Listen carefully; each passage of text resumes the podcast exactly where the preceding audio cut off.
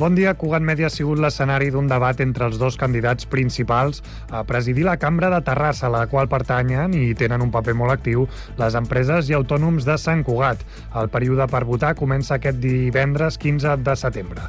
Fins al dia 19 es podrà votar de manera telemàtica i el dia 20 es podrà votar de manera presencial a la seu de la Cambra al carrer Blasco de Garay de Terrassa. És un debat que poden recuperar a www.cugat.cat. Els tallers de teatre Sílvia Cervant inicien dilluns vinent la nova temporada de cursos i actuacions. Ho faran primer els grups d'infants i joves i el dilluns 2 d'octubre serà el torn també dels adults. L'entitat teatral, que està celebrant enguany els 30 anys d'història, prepara per als propers mesos una festa de commemoració. Dues de les seves responsables, Vera Giró i Marta Uixant, han passat aquesta setmana pel programa Entitats de Cugat Mèdia per parlar de la història dels tallers i dels seus plans de futur. La Festa Major de Valldoreix dona el tret de sortida aquest divendres per omplir de gresca el barri fins al 17 de setembre. Els veïns de la zona podran gaudir de més d'una vintena d'activitats per a tots els públics que s'ubicaran principalment a la plaça del Casal de Cultura. La gran gresca arrencarà amb el tradicional pregó, que enguany anirà a càrrec del valldoreixenc Antonio Zamora, veí de la vila i molt vinculat a diferents associacions i entitats populars del territori. Els concerts de Buos i Mariona Escoda d'Eufòria són els plats forts musicals d'aquest aquesta nova edició. El Club Muntanyenc Sant Cugat ha presentat aquest dijous la 64a edició de la marxa infantil que se celebrarà el 8 d'octubre. Les inscripcions, que es van obrir l'1 de setembre i es tancaran el dia 25, avancen a bon ritme i, segons el club, ja hi ha al voltant de 500 parelles apuntades. El recorregut d'uns 10 quilòmetres tornarà a endinsar-se del Parc Natural de Collserola per la zona de Torre Sandrera, el Pi i Torre Negra. La sortida i l'arribada seran al Parc de Ramon Bernils i poden participar infants de 7 7 a 12 anys.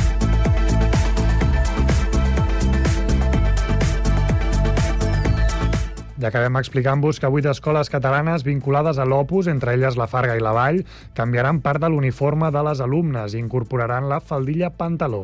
Són totes les que pertanyen a la institució familiar d'educació que abans s'agregaven per sexe. Segons ha avançat l'ara, la faldilla escocesa passarà a incorporar un pantaló. El canvi s'emmarca en una unificació de l'uniforme a totes les escoles de la institució que es farà efectiu a partir del curs que ve i passarà a ser obligatori al setembre del 26. La informació de referència a Sant Cugat.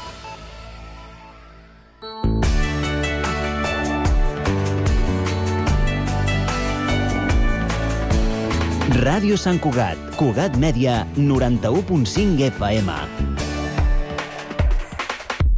Hora Sant Cugat, a Cugat Mèdia. Buos torna a Sant Cugat i concretament a la Festa Major de Valldoreig, uns vells coneguts del municipi que mouen masses amb més de 15 anys a les esquenes. Guillem Soler, cantant de Buos, benvingut a Cugat Mèdia. Ràdio Sant Cugat, Cugat Mèdia, notícies.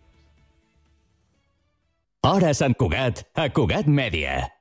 L'associació Acompanya ha engegat una campanya per demanar a totes les administracions la construcció d'una escola d'educació especial i centre de recursos a Sant Cugat del Vallès. Per això parlem amb la seva nova presidenta, la Isabel Montesinuos. Molt bon dia.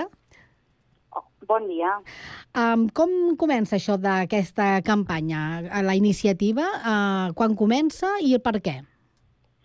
Aquest tema ve de, de fa ja uns anyets, que ja estava previst i fins i tot hi havia, eh, estava identificat l'espai pel turó de Can Mates de, fer la, de, de construir l'escola d'educació especial. O sigui que és un tema que ja l'Ajuntament i, i suposo que també les famílies ja ho demanaven, estava previst, però és un tema que va quedar parat.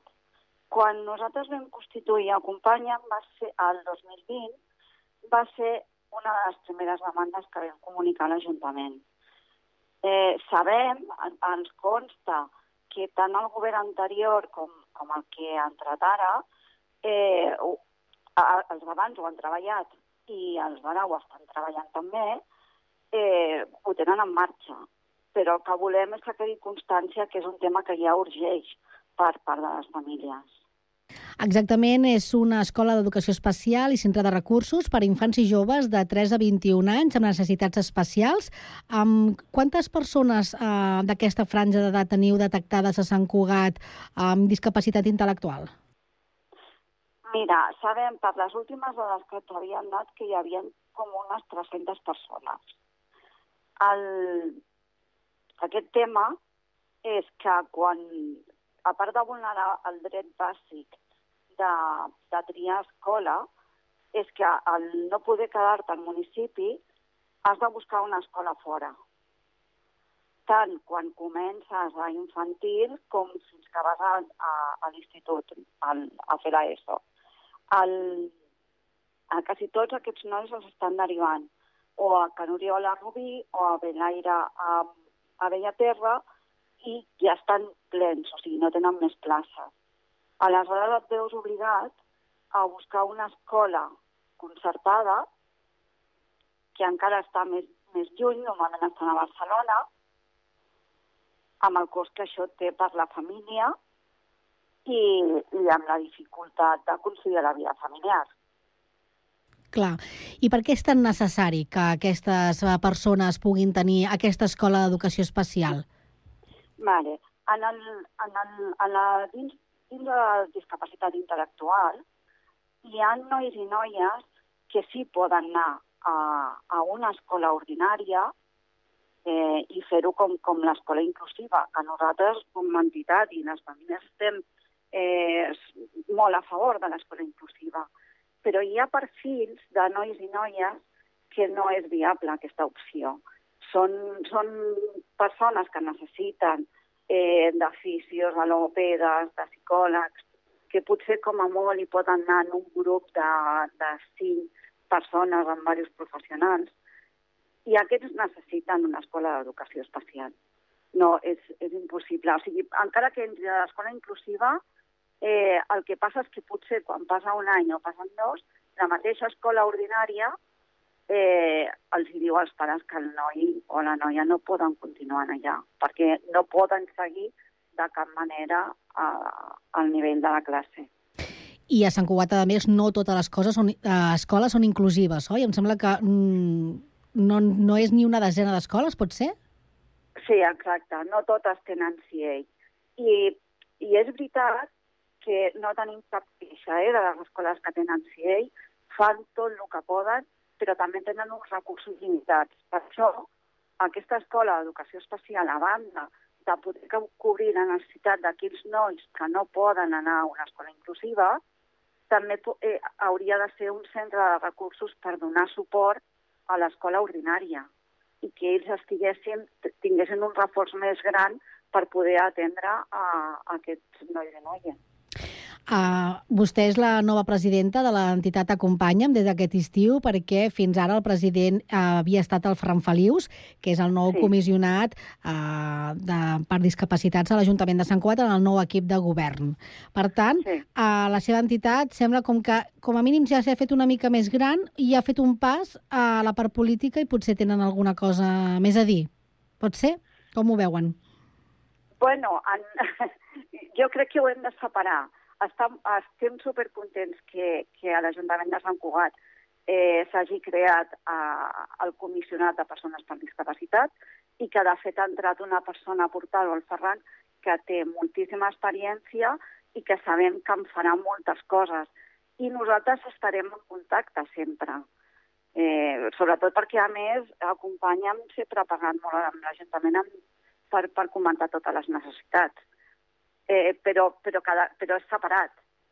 O sigui, acompanyant continuarà fent les seves coses i, i, i agraïm que des de l'Ajuntament eh, s'ha preocupat de, de crear aquest perfil i poder ocupar-se més de tots els problemes, no només d'educació, de, de les persones amb discapacitat. En tot cas, és una preocupació la que té també l'Ajuntament de Sant Cugat, l'actual equip de govern, eh, format per Junts i Esquerra. Junts ja ho portava també no, en, el seu, en la seva campanya electoral, la construcció d'aquesta escola d'educació especial, sí. però no només no, està en mans de l'administració local.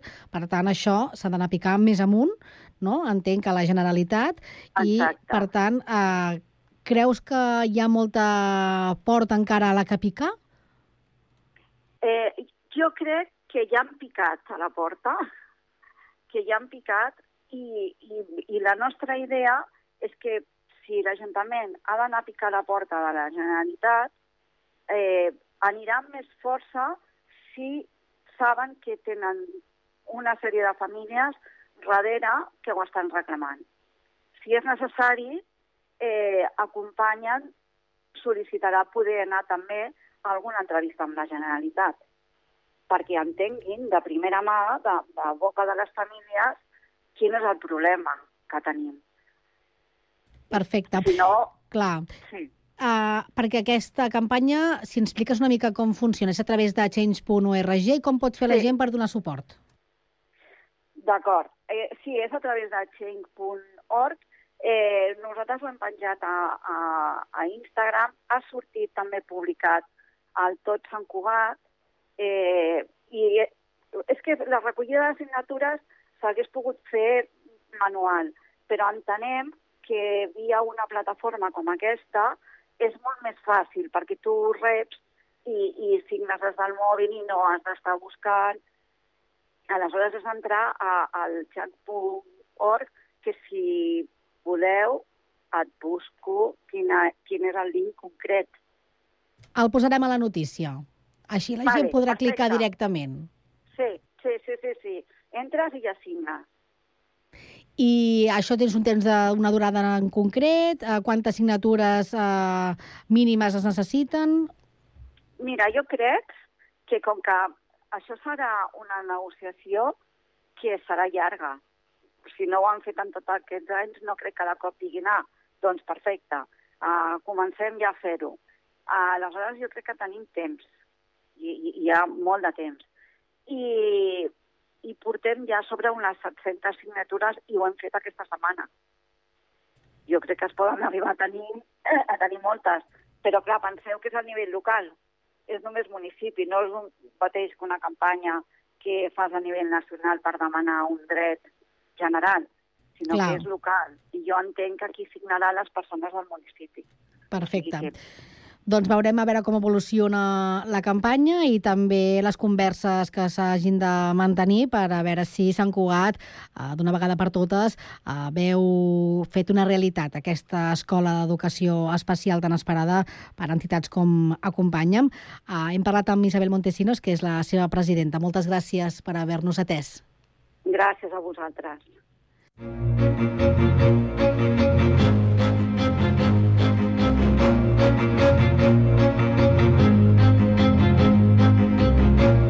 I una setmana més a Roda de Barà Ràdio encetem de cinema. Antonio Barrero, com estàs? Bé, bé, bé. Doncs, Antonio, amb ganes de parlar de cinema, com sempre. Doncs sí, i avui ens quedarem a casa perquè voldria comentar la selecció oficial del FICAT 2023, les pel·lícules, mm, llargmetratges, documentals i curtmetratges que hi ha seleccionats en aquesta edició.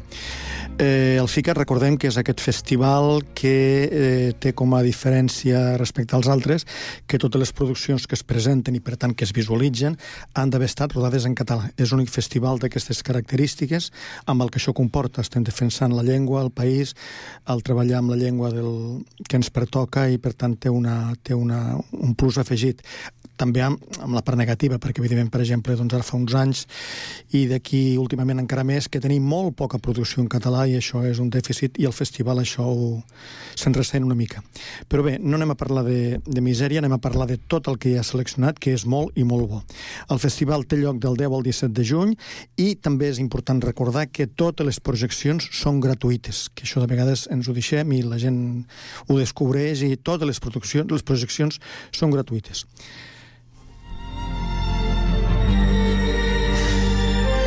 Doncs vinga, queda dit, eh? Recordem-ho, totes les, projec les projeccions gratuïtes i cinema de qualitat, cinema en català de qualitat, eh? Molt bé, doncs començarem comentant els cinc llargmetratges que hi ha seleccionats i els comentaré una mica per ordre de projecció. El primer dia, el dissabte, es projecta Beach House, que és la pel·lícula d'inauguració. És una pel·lícula, de fet, d'estrena mundial perquè és la primera vegada que es veurà. Eh, Beach House és una pel·lícula d'Héctor Hernández Vicens, és una producció de Zabriskie Films, del Carles Torres, i s'ha rodat a les Illes Balears i també a la costa, a la costa daurada, una mica entre Hospitalet i Salou, també s'ha rodat, les escenes de mar s'han rodat allà. És del 2023, dura 76 minuts, això és un gran, un gran què, una pel·lícula que dura 76 minuts. És estrany, no? Sí, sí, però realment està molt bé perquè s'agraeix. I és una comèdia thriller, és a dir, comença com una comèdia que dius, bueno, això és un intrascendent, no? Quina tonteria m'estan explicant aquests tres joves. I no, no, de mica en mica va agafant cos i acaba, acaba heavy, acaba, la pel·lícula acaba molt heavy. Són tres amics que van uns dies a Mallorca de vacances, però el viatge que prometia festa i diversió s'acaba convertint en el seu pitjor malson quan un d'ells s'enamora perdudament d'una turista que resulta ser la xicota d'un mafiós rus. Els intèrprets són els joves Albert Carbó, Francesc Colomer i Martí Atance, també la Nina Guseva i altres, altres actrius secundàries, però de fet són ells quatre els, els que porten el pes de la pel·lícula. És una pel·lícula que sorprèn, sorprendrà, imagino, eh, per la proposta agosarada. És una pel·lícula per gent jove, segur, perquè el que, tot el que explica és molt proper i la gent se sentirà molt identificat, però també per gent gran, per gent gran perquè d'alguna manera bueno, veurà que en quin món es mou la joventut i quins són els, quins són els seus desitjos i les seves voluntats. I la pel·lícula ho reflecteix molt, molt bé, amb 76 minuts, que ha d'explicar una història d'una forma molt convincent. Molt bé, Beach House. La segona seria Un sol radiant, de Mònica Cambra i Ariadna Fortuny. Està codirigida per la Mònica Cambra i l'Ariadna Fortuny. La productora és Etienne de Films. La pel·lícula és, mm, és una productora de Cambrils i és del 2023. En aquest cas són 84 minuts i aquesta sí que és un, un drama. La Mila, una nena de 11 anys, afronta els seus últims dies de vida abans de la fi del món. Alhora, lluita per comprendre el que això suposa i per mantenir la seva família unida amb la celebració d'una festa pel moment final. D'entrada pot semblar una mica així com a gore i tal. No, no, el, diríem que aquest final de la, de, de la vida té, té la seva gràcia i, a més a més, evidentment, dius, és veritat, això no és veritat. Però sí que la nena està preparant aquest moment final amb una festa perquè si s'ha d'acabar el món, celebrem-ho d'una forma divertida i fem un final xulo. Les intèrprets són la Núria Prims, la meva adorada Núria Prims, que és una actriu que m'agrada molt, i la Laia Artigas, que és la nena d'estiu 1993. Totes dues, mare i filla, estan genials. Un sol radiant, val molt la pena, també. Molt bé, un sol radiant. Després tindríem Un salt de plom. Aquesta pel·lícula ja està en els cinemes, ja es Sí. va estrenar fa uns dies als cinemes, però evidentment havia d'estar al FICAT perquè és una, una història, un, és un drama real, un drama històric a partir de la novel·la de Carme Martí que explica les vivències de la Neus català. El director és Miquel Romans, i la productora és Comando Gandules. La productora ha agafat el nom una mica del que fan aquestes dones en aquest camp de concentració. I la pel·lícula mm, s'ha rodat a Barcelona i és del 2000 2023. És un drama, és un drama històric que evidentment parteix molt d'aquesta novel·la i és molt fidedigne al que va passar. L'any 1945, amb l'alliberament dels camps nazis, Neus Català jove republicana feminista, torna a França després d'haver estat empresonada per l'exèrcit alemany. Mentre recupera la seva vida en llibertat, rememora els fets viscuts un any abans, quan amb un grup de dones va sabotejar la fàbrica de producció de bales on els nazis les feien treballar a Txecoslovàquia. Van ser conegudes com el comando de les gandules, però la veritable resistència del Neus català tot just acabava de començar. I és la lluita, i ho va fer fins al final de la seva vida, la lluita per la memòria. La intèrpret principal, que qui dona vida a la Neus català és la Nausica Bonin, que és una, ho fa genial. També hi ha Iria del Río, Raquel Láscar, Thomas Sautertich, Daniel Horvath, Fernando Corral i Laura Conejero. Alle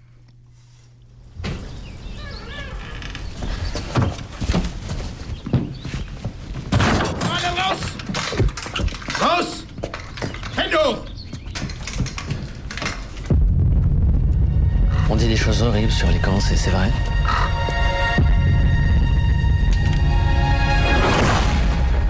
Usted no té ni idea del que he viscut. Ihr seid hier zum Arbeiten. Sechs Tage die Woche, Montag bis Samstag, von sechs bis sechs. An die Arbeit! An die Arbeit! Schneller!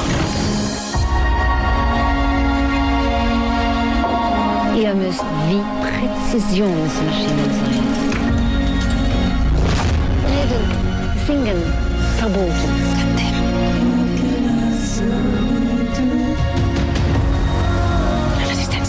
Des d'aquí. Com?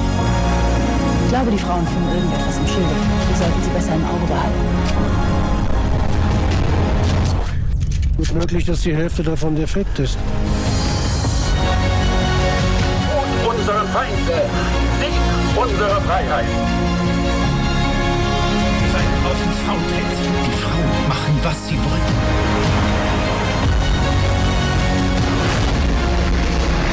Comment ça, je ne crois rien Je crois en nous, c'est foi. La. Les coses que no podem canviar les hem de deixar estar.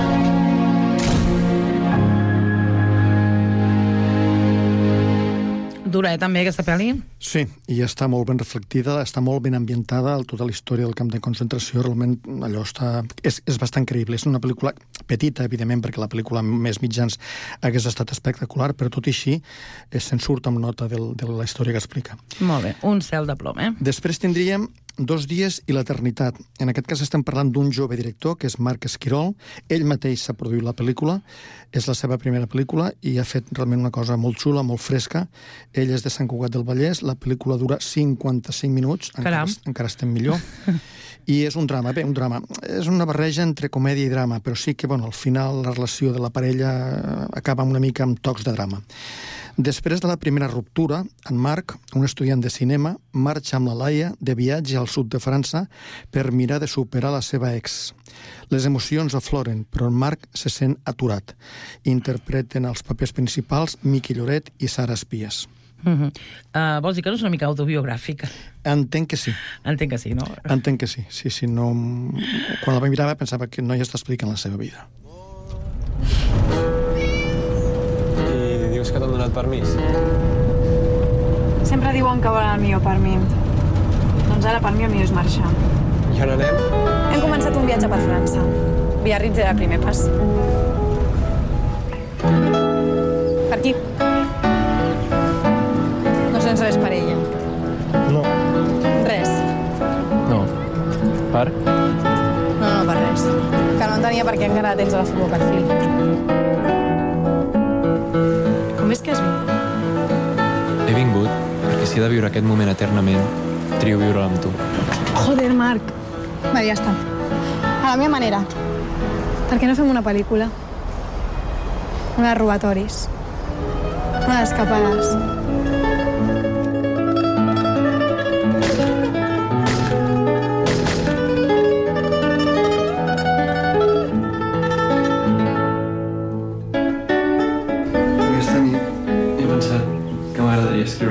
Escriure una pel·li sobre tu. Et puc mossegar molt fort?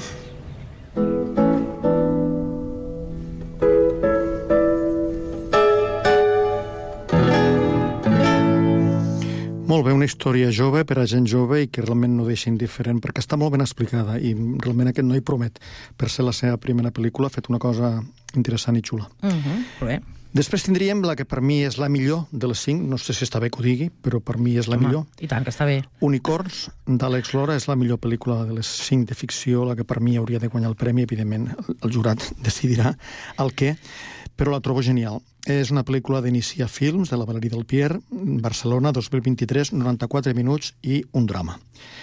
Issa ho té tot. És intel·ligent, maca, jove, espontània i segura de si mateixa. Feminista i poliamorosa, defensa la seva vida amb, el- amb dents i ungles.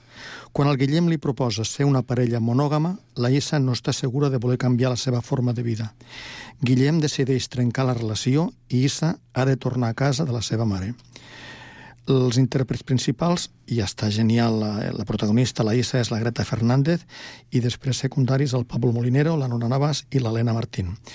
És una pel·lícula també jove, està al límit, una pel·lícula que té sexe, que té seqüències mm, tòrrides, pujades de to, però que explica una història d'una forma molt, molt bonica, molt dura, molt perquè ho toca tot. I tornem a parlar de, de gent jove, però en aquest cas sí que és una, una història molt portada a l'extrem. És a dir, no, estem, no estaríem parlant de dos dies la eternitat o de Beach. Aquí sí que estem parlant d'una història que toca perquè eh, en el fons hi ha, hi ha temes seriosos de fons. I la pel·lícula els tracta molt bé. És l'Àlex Nora jo el coneixia, era un, un director que havia fet alguna coseta, però aquí realment s'ha consagrat la, amb aquesta pel·lícula.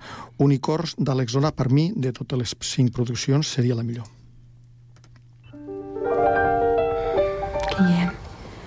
Això que tenim és molt únic. Estem bé així. No vull que follem amb ningú més.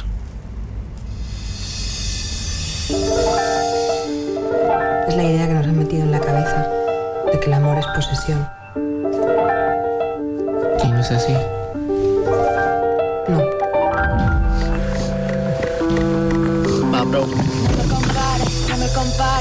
No me llegan a los abdominales. Una como yo cada dos siglos, ¿sabes? Abril Miró, me han destacado como una de las mejores fotógrafas de este país. Bienvenida. Gracias. Ella maneja como si alguien estuviera persiguiendo. És que tingut una idea que l'agència no ho ha vist molt clar, però t'ho volia ensenyar. Ja m'ho van dir que tu volies aquesta campanya, no? Estàs bé? Perfecte. Pues tienes que encontrar tu estilo. Es como que veo algo de ti, pero me sigues faltando tú. I això què fas?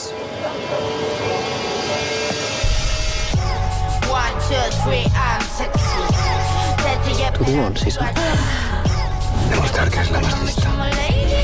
Somos buenos en lo que hacemos, baby. És que no sé com et suportes amb aquesta actitud. Quina actitud? Aquesta actitud que tens amb tot. Quería hacerte una propuesta. ¿Estarías abierta a quedar en persona? Molt bé, i anem ara a fer el repàs dels documentals. En aquest cas, en la selecció oficial n'hi ha sis, també uns més bons que els altres, però és un bon, una bona selecció. En primer lloc, el diumenge veurem Domingo Domingo, de Laura García Andreu. És una producció de Suica Films, València, i dura 71 minuts. Domingo Domingo és el nom i el cognom del personatge. És un murri agricultor que no sap viure sense adrenalina. Ara té una nova obsessió, les taronges. Tanmateix, en aquest món tot ha canviat. Les multinacionals patenten les millors varietats i els agricultors les compren per substituir. Però ell té un pla. Un arbre secret amb una nova taronja que somia a patentar. Si guanya la partida, vencerà les multinacionals.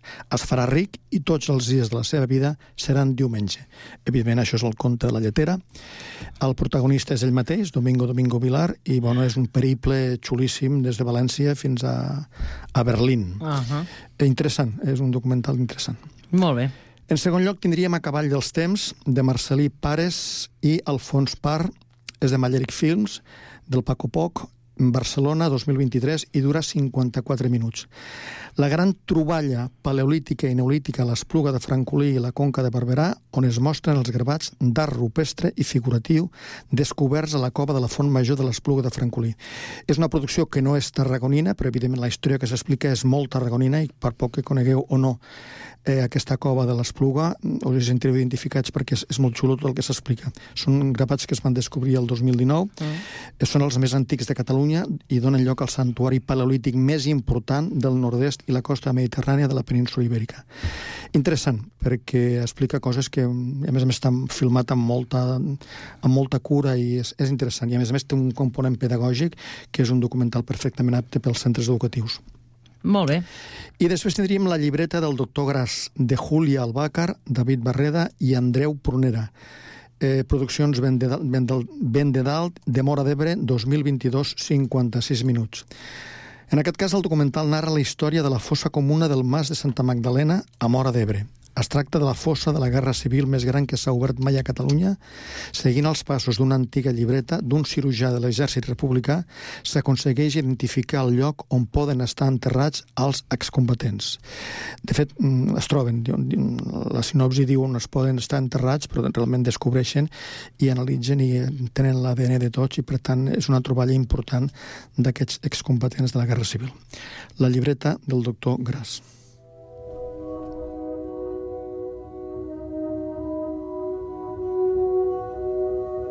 Tothom té dret a saber on té els seus morts, no? Que ells saben on tenen els seus morts, perquè no ho puc saber jo.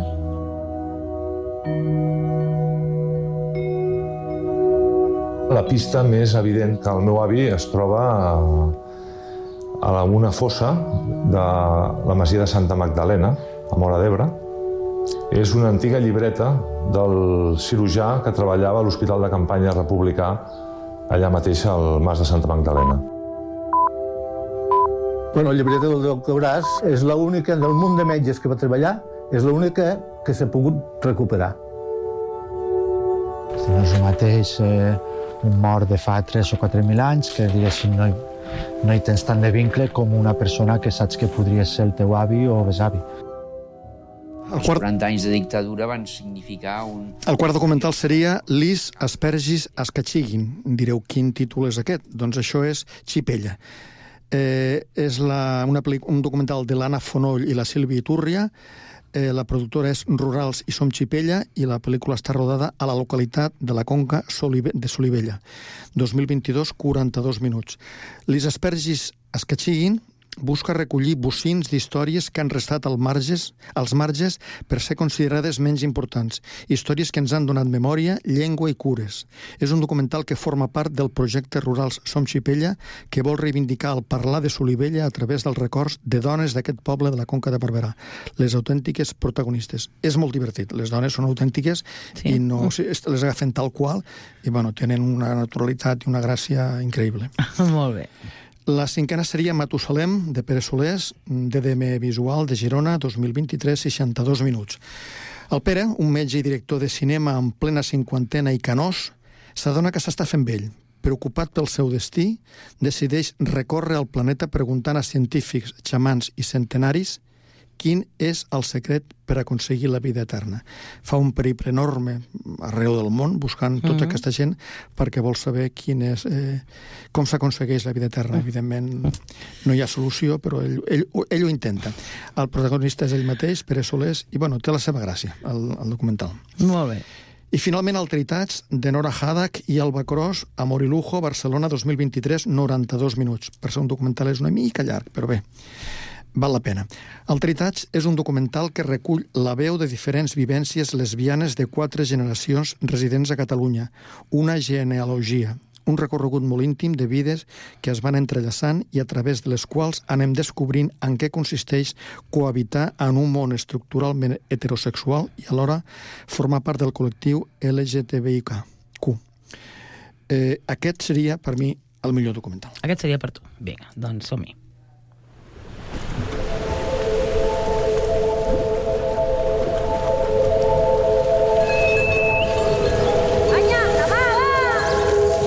Per mi és superimportant que hi hagi boieres de les comunitats i a prop. I si et fiques aplicacions, al final el que et surt és una realitat, que a les zones rurals està despoblada i que la gent jove el que fa és anar a la ciutat. Jo no m'hormono com un noi trans. Per exemple, si un noi trans pren 8 dosis diàries de crema eh, al cos, yo en 4. He vivido bastante rechazo de las lesbianas hablando de mi trabajo, porque, mm, no sé, es que ellas igual lo vean como una traición a mi, a mi sexualidad, ¿no? Ya estamos en el bar. Me vienes a llamar negra y lesbiana. Yeah. Es como, mm, yeah. your white privilege is showing off, porque a ti no te voy a llamar blanco. o no te voy a llamar Blanco hetero. Aquest perfil.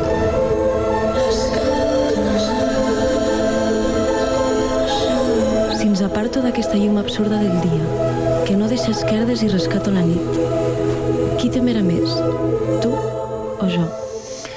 Molt bé, i passem a comentar per sobre una mica, perquè en són molts, els 15 curtmetratges que hi ha de la selecció oficial. Tots molt, molt bons. Enguany diríem que la collita de curtmetratges té molt nivell. En primer lloc parlaré de Sushi, d'Ivan Morales. L'actor Ivan Morales eh, s'atreveix a dirigir un curt i ho fa d'una forma increïble. Eh, dura 20 minuts i és un drama. Aquesta nit serà la primera vegada que el Jaume, un agent de la Guàrdia Urbana d'una petita ciutat de províncies, menjarà sushi. I també serà la primera vegada, i segurament l'última, que comparteixi unes poques hores amb el seu fill biològic, Beto, un jove que aviat serà pare. Àlex Moner, Javi Saez i Blanca Valletbó són els protagonistes d'aquest drama que et deixa tocat. L'Àlex Moner, increïble, però el Xavi Saez, espectacular. Espectacular. Eh, Sí, sí, aquest uh, agent de la Guàrdia Urbana que dius, hosti, tu, quin nivell, no? Perquè d'ell, de l'Àlex ja... Sí, ja el coneixem, no? Però el Xavi Saez, molt bé. Molt bé, sí, sí. L'Avenir, de Santiago Ràfales, és una producció de l'ESCAC, Girona, 19 minuts, també és un drama. En Biel i la Sara tenen 10 anys i junts viuen amb entusiasme els darrers dies de l'estiu. Però en Biel i la Sara tenen 10 anys. Eh, perdó, però en, en, tot canvia quan en un joc innocent la seva amistat és posada a prova. El món que en Biel creia tenir controlat es trenca i a partir d'aquest moment no sabrà què pensar o què sentir. Mm. És una història intimista, molt subtil, que està explicant una relació d'amics que de sobte per un comentari que ella fa molt innocent es trastoca tot i ja no es, veu, ja no es veuen igual un a l'altre i és bonica, és bonica, és una comèdia fantàstica, mm, perdó, és, una comèdia, és un drama i bueno, els nens estan increïbles, la història està molt ben explicada. Molt bé. Els amants de Joan Vives, estem parlant d'un curtmetratge valencià, el Joan Vives ja l'hem tingut al, en el FICAT, 23 minuts, i estem parlant d'una comèdia molt divertida i que ens porta per per anys indescriptibles. Fa anys que l'Ovidi va desaparèixer al mar sense deixar rastre. La Teresa, la seva vídua, encara li continua portant flors al lloc on va desaparèixer. Deu anys després, els amants es retrobaran, però potser no en la manera com s'haguessin imaginat. La Imma Sancho, el Josep Manuel Casany, la Pepa López, el Ferran Gadé, el Bernat Llobell, entre altres, n'expliquen aquesta història molt divertida, molt valenciana, molt fallera, i que rius molt. Uh -huh. que convé de tant en tant també, I tant perquè sí. el, el curtmetratge eh, habitualment solen ser drames. Uh, sí. Sacrifici, de Sofia Martell i Lluís Prieto, eh, és una pel·lícula, un documental, perdó, un curtmetratge rodat, rodat a Palma, és un drama, 16 minuts, i estem parlant de la Victòria, que és una cambrera d'hotel que està esgotada. Avui és el seu últim dia de feina abans de jubilar-se. I se sent diferent. El passadís de l'hotel li marca el camí cap a la llibertat i aquí ho deixo perquè la pel·lícula té més d'una interpretació en tot el seu procés. Sí, sí, tothom diu coses diferents, Cadascú no? De fet, de forma interpreta el diferent. final d'una forma diferent. Però això està bé. I tant, i tant. La Mabel Rivera és aquesta, aquesta cambrera que ho fa genial. Sí, molt bé. En recordar és un, un documental de Marta Arjona i Maite Blasco, videodansa de 15 minuts. A través de la imatge, la veu i el moviment es narra la història d'una de les poques persones del país que encara es dedica a encordar cadires, la ballenca Rosa Barrufet. Ella porta a les espatlles les cordes de tres generacions que a través de la botiga familiar Cal Blanco han anat traspassant aquest ofici com un llegat de pares a fills. Uh -huh. El tren de l'alegria, de Jordi Buquet, és una comèdia tenyida de drama, 22 minuts. En una classe d'interpretació, en Tomàs, un jove aspirant actor, s'enfronta a un professor amb mètodes particulars que li fan qüestionar-se què està disposat, què està disposat a fer per trobar la tan anhelada veritat. Doncs sí. Bon dia. Bon dia. Gràcies. Què voleu de mi? Va. Què voleu de les meves classes? Què hi feu aquí? Digueu-me. Què et passa, Tomàs? Què et passa? Res. Per què? No ho sé. Estàs com estrany, com enfadat.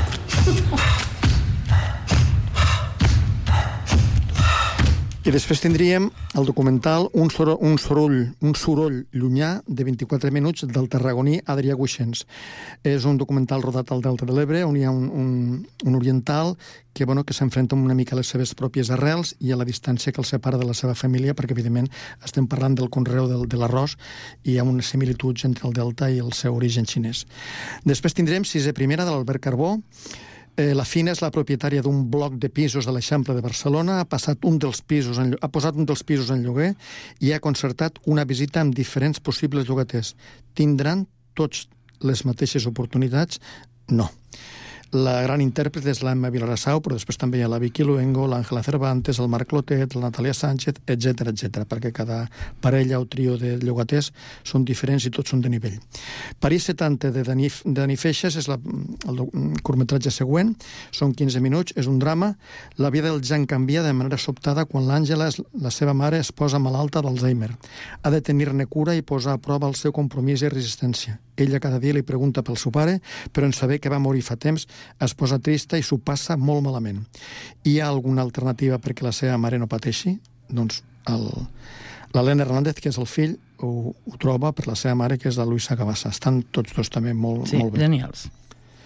Bé, seguim. Vinga. Provocadora, Delia Lorente, eh, és, són els records d'estiu de la Vera a casa dels seus avis i que seran interromputs per un seguit de eh, situacions que ens faran qüestionar la naturalesa de les seves accions, temors i actituds. Un punt de vista madur d'una infància trencada, un descobriment.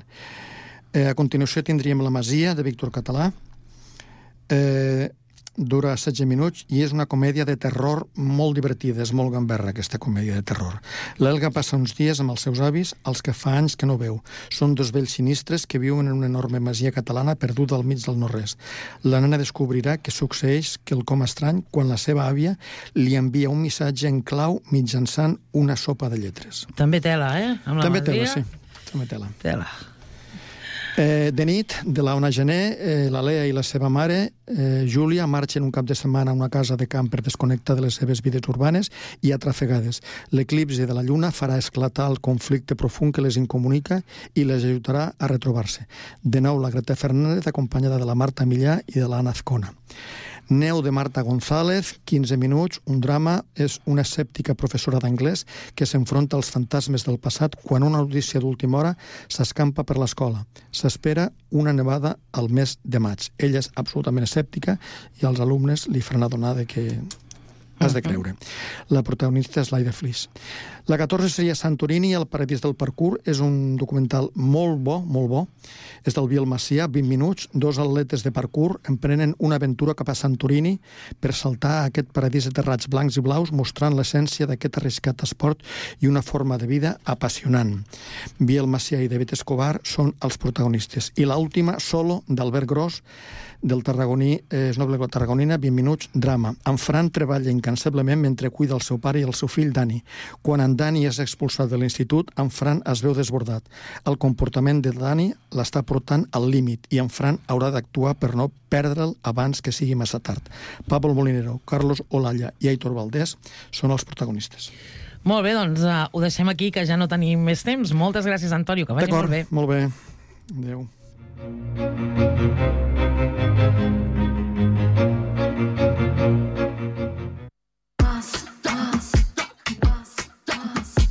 Pide por esa boquita viajar, disfrutar de un verano mejor. Vamos, grita, que lo que se da no se quita. Tot el que li demanes a l'estiu, demana-li al nostre assessor i aconsegueix fins a 500 euros en un cupó regal del Corte Inglés i molt més. Consulten les condicions. Viatges al Corte Inglés.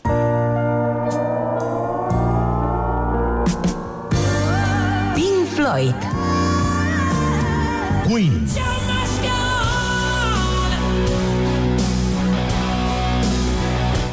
Dylan.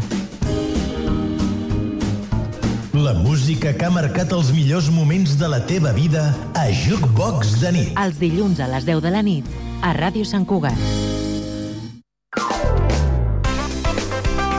Ràdio Sant Cugat, Cugat Mèdia, www.cugat.cat.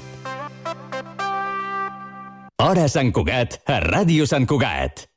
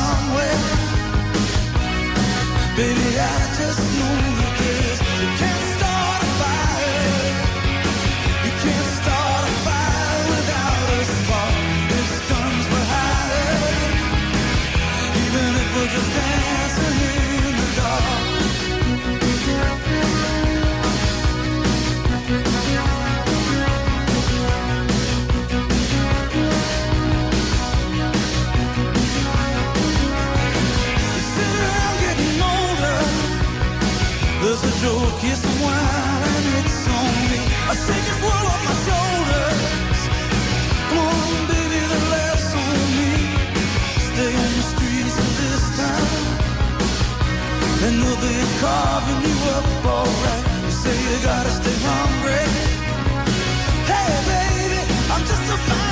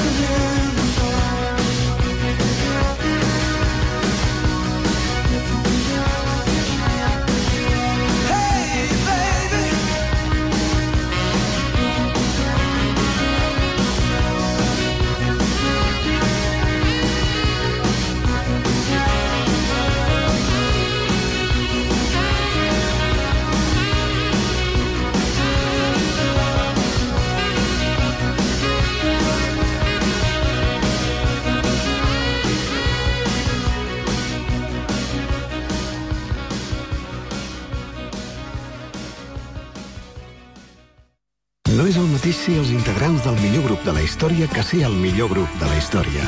Per això, el grup català Occident serem Occident, perquè per continuar assegurant-ho tot, tot i tot, ens havíem d'ajuntar tots, tots i tots. Entra a seremoccident.cat. Música a Ràdio Sant Cugat.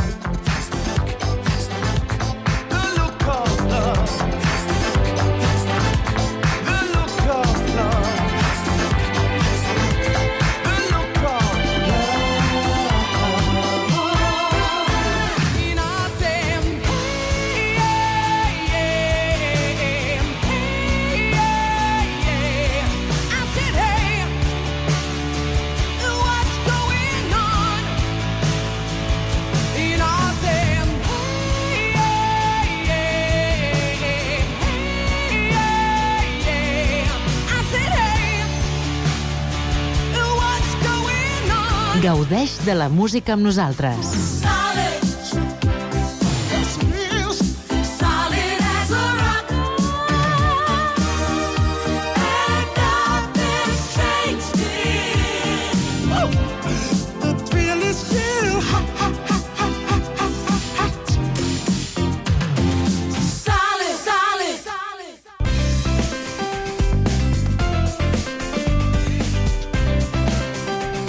Ràdio Sant Cugat, Cugat Mèdia, 91.5 FM.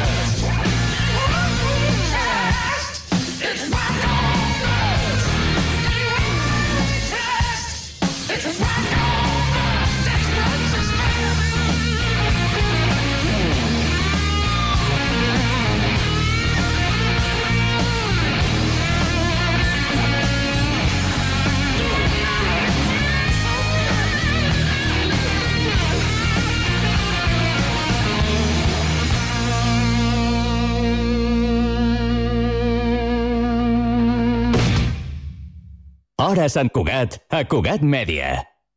Buos torna a Sant Cugat i concretament a la Festa Major de Valldoreig. Uns vells coneguts del municipi que mouen masses amb més de 15 anys a les esquenes. Guillem Soler, cantant de Buos, benvingut a Cugat Mèdia. Hola, bon dia. Heu actuat tres cops a Petits Camaleons, dos cops a la Festa Major de Sant Cugat. És la tercera vegada que passareu per Valldoreig, aquest cop amb un concert de gran aforament. Us sentiu ja a casa? Home, doncs sí, la veritat és que cada vegada que venim ve més gent. I és una bogeria. I, i ens fa moltíssima il·lusió. Ja sempre, quan acaba el concert, eh, tant a Sant Cugat com a Valdoreix, sempre dic... Ràdio Sant Cugat.